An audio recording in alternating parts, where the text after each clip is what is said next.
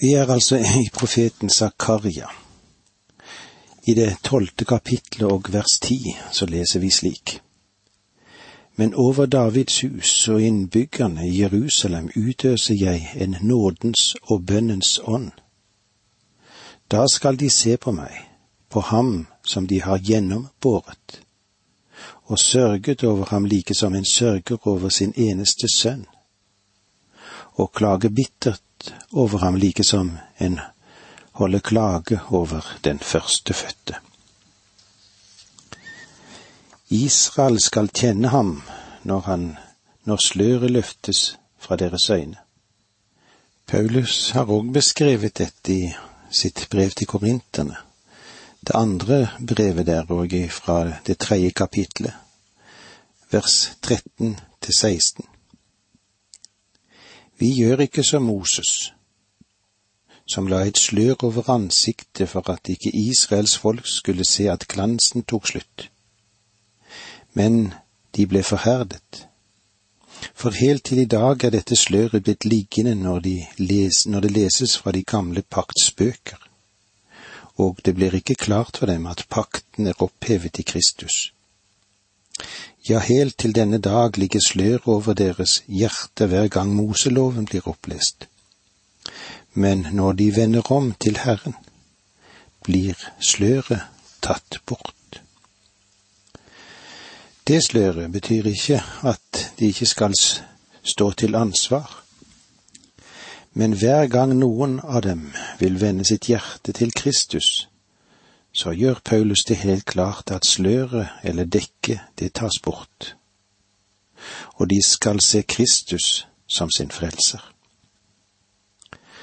Og det er sant om alle syndere også i dag, det. Du er ikke tapt fordi du ikke har hørt evangeliet. Du er ikke tapt på grunn av det ene eller det andre. Du er tapt i dag fordi du har tatt en beslutning om å vrake Jesus Kristus. Og det er en falsk idé at vi på et eller annet vis ikke er ansvarlige. Selv om det skjer ved nåde, så er du og jeg ansvarlig for å gi et gjensvar på denne fantastiske, uendelige og herlige nåde som vi har fått ifra Gud. Og derfor frelser Gud oss ikke på grunn av evnen, heller ikke på grunn av vår tro, men han frelser oss ved Jesu Kristi dyrebare blod. Det er dette som er så fantastisk med evangeliet. Og dette er et fantastisk vers i Skriften, det som vi har vært innom, det tiende verset i kapittel tolv hos Zakaria. Vi leser nå sammen det ellevte verset på den dagen skal sørgehøytiden i Jerusalem være like stor som dødsklangen over Haddad Rimon i Megiddodalen. På den dagen er du ikke litt trøtt av å høre Zakaria igjen og igjen taler om den dagen. Vel, han er ikke ferdig med den ennå. Helt frem til siste kapittel, siste vers der, så skal han tale om på den dagen. Og nå er vi vel klar over hva dette uttrykket betyr. Det er denne tidsperiode som er kjent som Herrens dag. Herrens dag begynner når menigheten forlater denne jord, og den store trengsel begynner. Og så vil den fortsette helt til avslutningen av tusenårsriket til den tid da all motstand skal knuses, og det evige riket begynner. Det evige riket fortsetter ganske enkelt inn i tusenårsriket, med unntak av at det ikke lenger er noen prøvetid, men alt er da gjort ferdig for evigheten. Her må jeg, jeg igjen få lov til å gjøre oppmerksom på at det er meningsforskjeller blant de troende hvorvidt menigheten hentes hjem før den store trengsel, eller om den skal gjennomleve den store trengsel, eller kanskje deler av den. Av og til så kan en synes at diskusjonen har gått for høyt om dette spørsmålet, som vi bare aner konjunkturen av. Men vi vet ikke så mye om dette. Og jeg har den dypeste respekt for de som har en annen mening enn den jeg har. Og jeg utfordrer enhver lytter som vil tenke gjennom også denne del av Bibelens totale budskap. Men for meg selv er jeg av den oppfatning at en bortrykkelse skal finne sted. På den dagen skal sørgehøytiden i Jerusalem være like stor som dødsklagen over Haddad Rimmon i Megidodalen. Dette er en virkelig forsoningsdag. Forsoningsdagen i det mosaiske system var den eneste dagen da Israel skulle gråte. Det var den dagen da soningen ble gjort for syndene deres. På den dagen skal sørgehøytiden i Jerusalem være stor. Får jeg lov til her bare å skyte inn at det er en hel del såkalte evangelieforkynnelse i dag som sier Kom til Jesus. Han vil totalt forvandle deg. Du kommer til å bli en ny personlighet, og du kommer til å nå dine mål. All slags tiltrekning tilbys deg. Men eh, kan jeg få lov til å si til deg, hva tenker du egentlig om din synd? Har du noen gang sørget over syndene dine? Har det noen gang knust ditt hjerte at du har stått Gud imot og trosset ham? Dette er en stakkars frelst synder som sier dette, og sier det nettopp nå til deg. Når jeg ser tilbake over mitt liv og ser noe av det som jeg presenterte i fortiden, da kan jeg få lov til å si dette knuger og knuser mitt hjerte. Det var for dette Frelseren døde. I et totalt og sunt kristenliv hører også denne sørgetonen med. Denne botstone i det kristne livet. Gleden og fryden og jubelen er en selvsagt ting i kristenlivet. Men hva får deg til å tro at ikke også gråten er en naturlig ting? Sannheten er jo at vi alle står uten ære for hans åsyn. Han sier at vår rettferdighet er som skitne filler i hans åsyn. Hvis det er slik at min rettferdighet er som filler, tenk da på hva de mørke sider i min personlighet er. Og hvordan er det hos deg? Hvis du og jeg kunne se oss selv som Gud ser oss, ja, da spørs det om vi kunne holde ut med oss selv. Da ville vi fort være ferdige med vår forestillelse og vår selvtilstrekkelighet. Menigheten trenger sannelig en virkelig dåp i bot. Sørgehøytiden skal være like stor som dødsklagen over Haddad Rimon i Megididodalen. Dette henviser til Megididodalen og til Josvas tidsperiode. Josva, han var en leder som var høyt elsket av folket, og da han døde var det en stor sørgehøytid. Jeremia gråt over Josva, som han ikke hadde gjort over noen annen. Det var ingen like i hans sorg. I det tolvte verset i dette kapitlet leser vi slik:" Landet skal holde klage, ett for ett. Davidsetten for seg og deres kvinner for seg. Natananetten for seg og deres kvinner for seg. De skal sørge atskilt. Det vil si at det vil foregå privat. En slik bot og sorg er noe som mange av oss også i dag trenger å gjøre for oss selv. Og med disse ordene må vi si takk for nå. Må Gud være med deg. Dette undervisningsprogrammet består av to deler.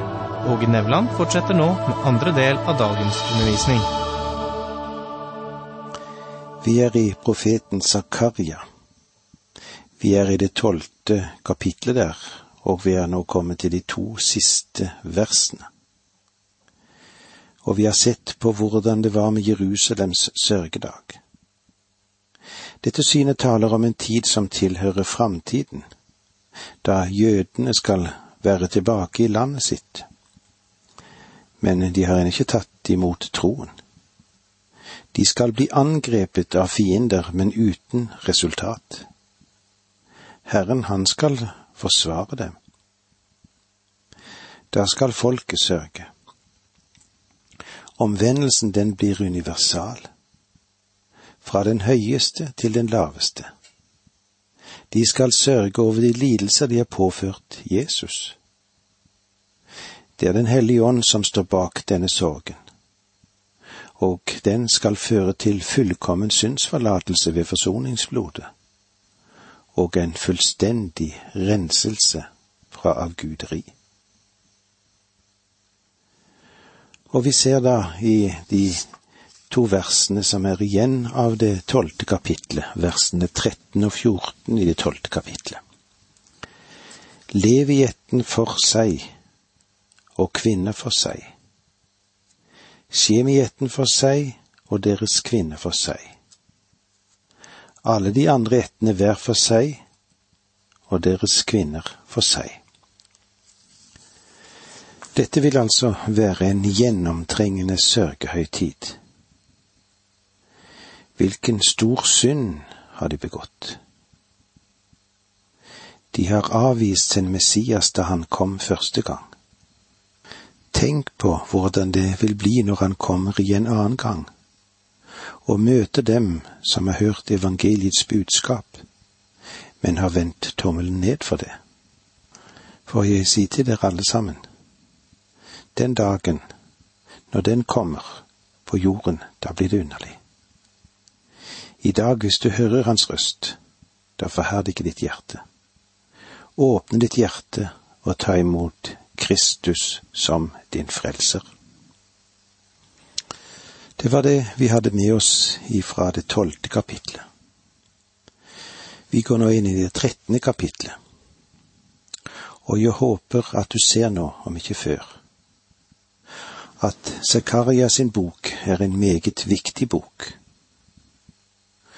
For meg har Zakaria-boken alltid hatt noe eget over seg, men kanskje jeg tross det likevel har neglisjert og satt denne boken til side.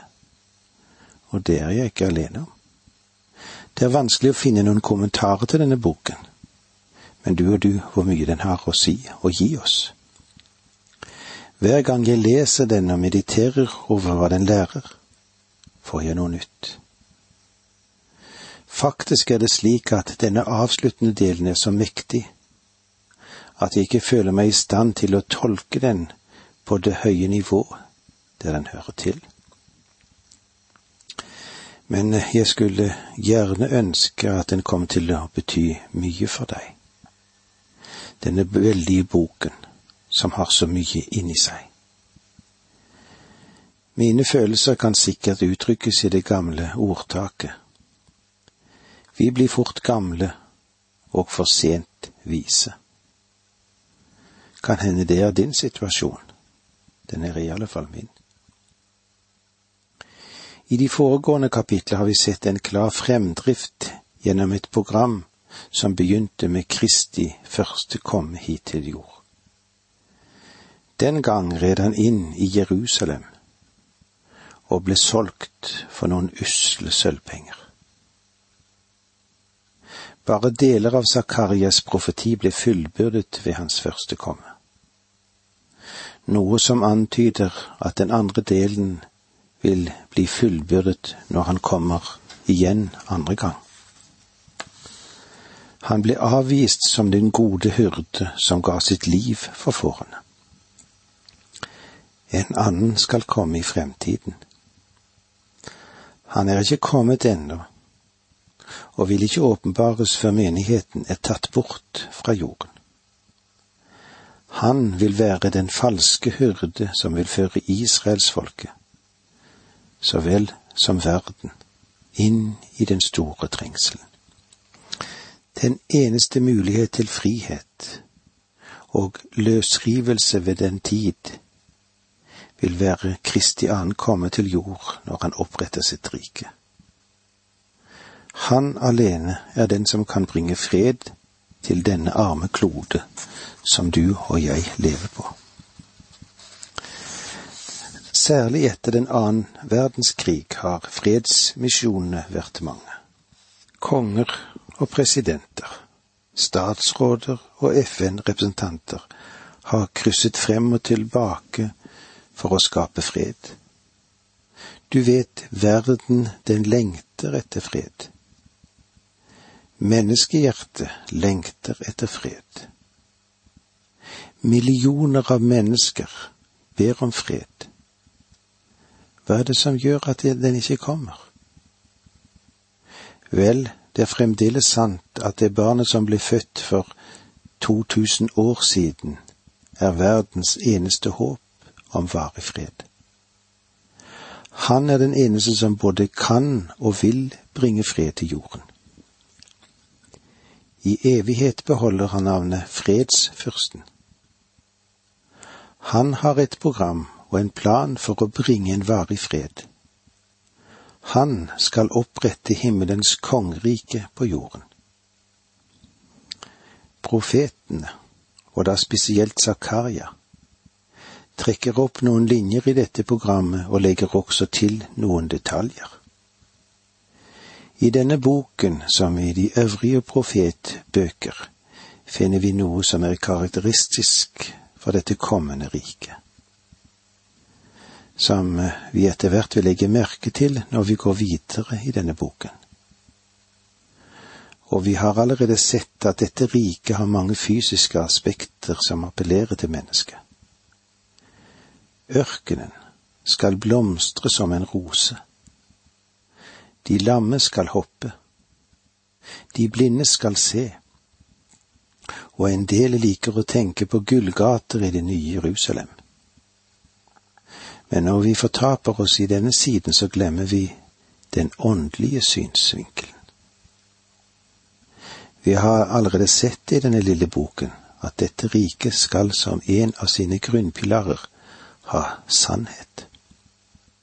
I Zakaria 8,3 står det, Så sier Herren, jeg vender tilbake til Sion, og midt i Jerusalem vil jeg bo. Jerusalem skal kalles troskapsbyen.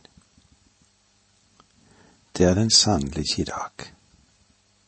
Men den skal være en troskapsby, en sannhetens by, når Kristus hersker der. Jeg får vel legge til her at det finnes ingen hovedstad i verden i dag som er kjent for sannhet. Og Kristi kongerike skal ikke bare kjennetegnes ved sannhet. Den skal også kjennetegnes ved hellighet og rettferdighet. Og som vi vil se i vers én og to i dette kapitlet, av det som vi har nå foran oss, og når vi går inn i det fjortende kapitlet, vil vi se at selv hestenes bjeller og karen i tempelet skal være hellige for Herren. Dette riket vil også ha som kjennetegn frihet fra frykt, og dette aspektet møter oss i kapittel 14. Og vi kan også legge til at riket skal kjennetegnes ved glede, og det har vi allerede sett i kapittel 10 versene seks og syv. Jeg vil gjøre judaeten sterk, og Joses ett gir jeg seier. Jeg lar dem bosette seg igjen, for jeg er barmhjertig mot dem. Ja, det skal gå dem som jeg aldri hadde forstøtt dem, for jeg er Herren deres Gud, og jeg vil bønnhøre dem. Efraims menn skal bli som helter. De skal være glade til sinn som når en drikker vin. Deres barn skal glede seg ved synet, og deres hjerte fryde seg i Herren. Det vil bli en tid da gleden skal være stor. Alt dette er åndelig, og ikke fysisk. Nei, det er ikke åndelige og fysiske sider av riket. Og eh, det grunnleggende er fred. Når Kristus kommer for å herske, skal han tale fred til folkeslagene. Gjennom Zakarias profetbok har vi fulgt Guds program, og til sist skal det gi en varig fred i verden. Da Kristus kom første gang, ble han forrådt og vraket og solgt og overgitt til hedningene for å bli korsfestet. Deretter kommer en periode som Zakaria ikke sier noe om. Det er den menighetens epoke som du og jeg lever i i dag. Når den avsluttes, vil det dukke opp en grusom hyrde. Han innvarsler ikke riket. Han fører inn trengselstiden. Hans verdensdiktatur kan bare brytes gjennom Kristi komme for å opprette sitt rike på jord. Og det er det vi har foran oss her i kapittel 13, som vi vil komme innom igjen når vi møtes neste gang. Takk for nå, må Gud være med deg.